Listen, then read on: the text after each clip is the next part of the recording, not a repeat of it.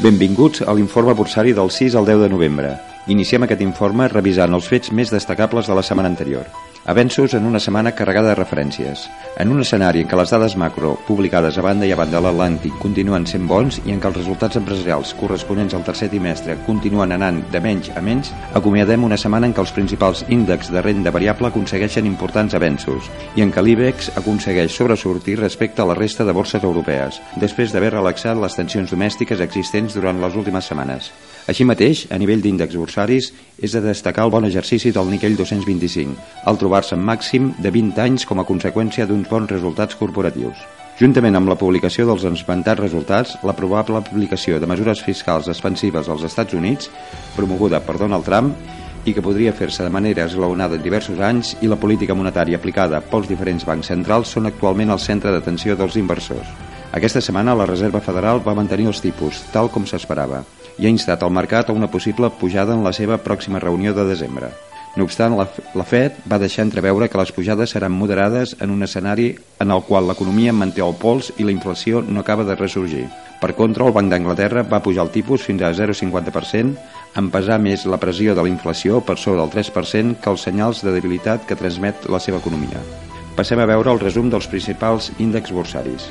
El Barcelona Indescat ha tingut una variació setmanal del 2,85%, arribant als 20.586 punts i acumulant des d'inicis d'any una variació anual del 25,37%. El Barcelona Global 100 ha tingut un increment de l'1,85% aquesta setmana.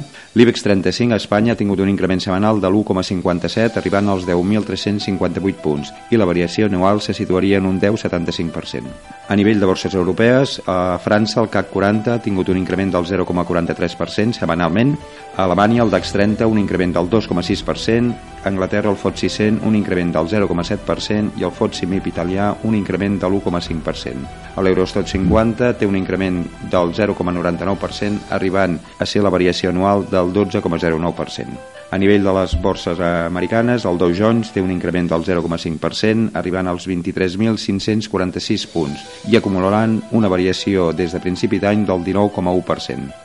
L'estàndard Poor's 500 un increment del 0,2% i el Nasdaq 100 un increment de l'1%, arribant al 29% de variació anual.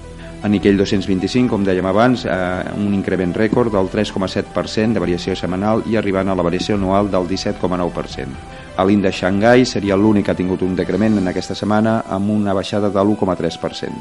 A nivell de renda fixa, la rendibilitat del bo espanyol a 10 anys es relaxa aquesta setmana i finalitza en nivells propers a 1,47% versus l'1,59 del divendres passat. Per contra, la rendibilitat del bo alemany tanca la setmana en nivells similars als que els passat divendres, al voltant del 0,36%. Després d'aquests moviments, la prima de risc es contreu aquesta setmana i finalitza propera als 110 punts bàsics. Pel que fa a la tir del bo nord-americà 10 anys, finalitza la setmana oferint una menor rendibilitat, 2,35% versus els 2,43 del divendres passat. A nivell del petroli, la publicació d'inventaris per part de l'Agència Internacional d'Energia per sota del previst i els pactes per part de l'OPEP buscant una menor producció propicien que el barril de Brent se situï per sobre dels 60 dòlars per barril. A nivell de divises, el dòlar, i malgrat les manifestacions realitzades pel Banc Centrals, amb prou feines es mou aquesta setmana i finalitza al voltant de 1,116 euros per dòlar. Notícies empresarials destacades. Segons la premsa, ACS tria Societat General, el grup HSBC, a Mitsubishi i a Commerzbank per formar part, juntament amb JP Morgan, del nucli dur que dirigirà el finançament de la contraopa llançada per la constructora sobre Vertis i que haurà de competir amb la italiana Atlantia.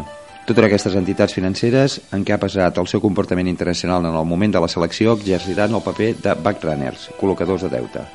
Abengoa, dins del seu procés de reestructuració, ven la seva filial Atlàntica IEL, el grup canadenc Algonquin Power Utilities, amb el qual també ha signat una aliança estratègica. D'acord a la comunicació realitzada per les empreses, els reguladors borsaris, Abengoa podria acordar la venda al gener del 25% de la seva filial, Atlàntica, amb el preu de 24 en 25 dòlars per acció, la qual cosa suposa una prima del 18% respecte a la cotització mitjana del mes anterior. Ferrovial aconsegueix l'adjudicació d'un macroprojecte de millora i posterior manteniment de carreteres a Austràlia per 1.150 milions d'euros. El grup presidit per Rafael Del Pino s'adjudica l'esmentat projecte en concerci amb Plenary, companyia amb la qual es va associar per créixer en el mercat d'infraestructures australianes. A l'espera que es produeixi la sortida a la borsa de Spotify, prevista pels pròxims mesos, la companyia sueca JP Bullholm, que assessora en processos de fusions i adquisicions, publica un informe en què s'estima que el valor de l'OPB podria excendir a 23.000 milions de dòlars. L'important increment de valoració experimentat durant els últims mesos per la companyia de streaming musical estaria justificat per l'excepcional creixement en subscripcions premium i per la bona projecció en mercats emergents. Fets destacables per aquesta setmana. Setmana d'escàs en referències macros d'interès. Estats Units tan sols destaquem l'enquesta d'expectatives de la Universitat de Michigan del mes de novembre. A l'eurozona tindrem les previsions de tardor de la Comissió Europea, la confiança de l'inversor Cèntics de novembre i el PMI de finals d'octubre, que també coneixerem per Alemanya, Espanya i França. Des d'Àsia arribaran dades d'octubre, al Japó amb els PMI de serveis i composts, mentre a la Xina es coneixeran les dades de reserves internacionals, l'IPC i el IPP, índex preu del productor, i la balança comercial. A nivell bursari seguirem pendents de la temporada de resultats, tant a Europa com als Estats Units, que podrien provocar intensos moviments en funció dels mateixos, com hem estat veient a les últimes setmanes. A més, en el pla macro seran escases les referències que es publicaran, per la qual cosa el mercat estarà molt centrat en els resultats empresarials i en les negociacions sobre la reforma fiscal als Estats Units, sobretot tenint en compte que no tornarem a tenir reunions dels bancs centrals fins a mitjans de desembre. A més, tindrem les previsions econòmiques de tardor de la Comissió Europea. Tot i el soroll a curt termini a la borsa espanyola, considerem que el fons de mercat segueix sent bo, tant en termes macroeconòmics com de suport dels bancs centrals i dels resultats empresarials. En aquest context, les valoracions de la renda variable continuen sent atractives, especialment en Europa i encara més en el cas d'Espanya. En el cas dels Estats Units, encara que més exigents es podien veure recolzades de tirar endavant la reforma fiscal de Trump. En el cas concret d'Espanya, considerem que el soroll lligat al pla polític podia generar interessants oportunitats d'inversió. El present informe d'anàlisi borsari està basat en informacions de caràcter públic, especialment de les webs oficials de la Borsa de Barcelona i de la Borsa de Madrid. Jordi Conca, director dels estudis d'ADE del campus Manresa.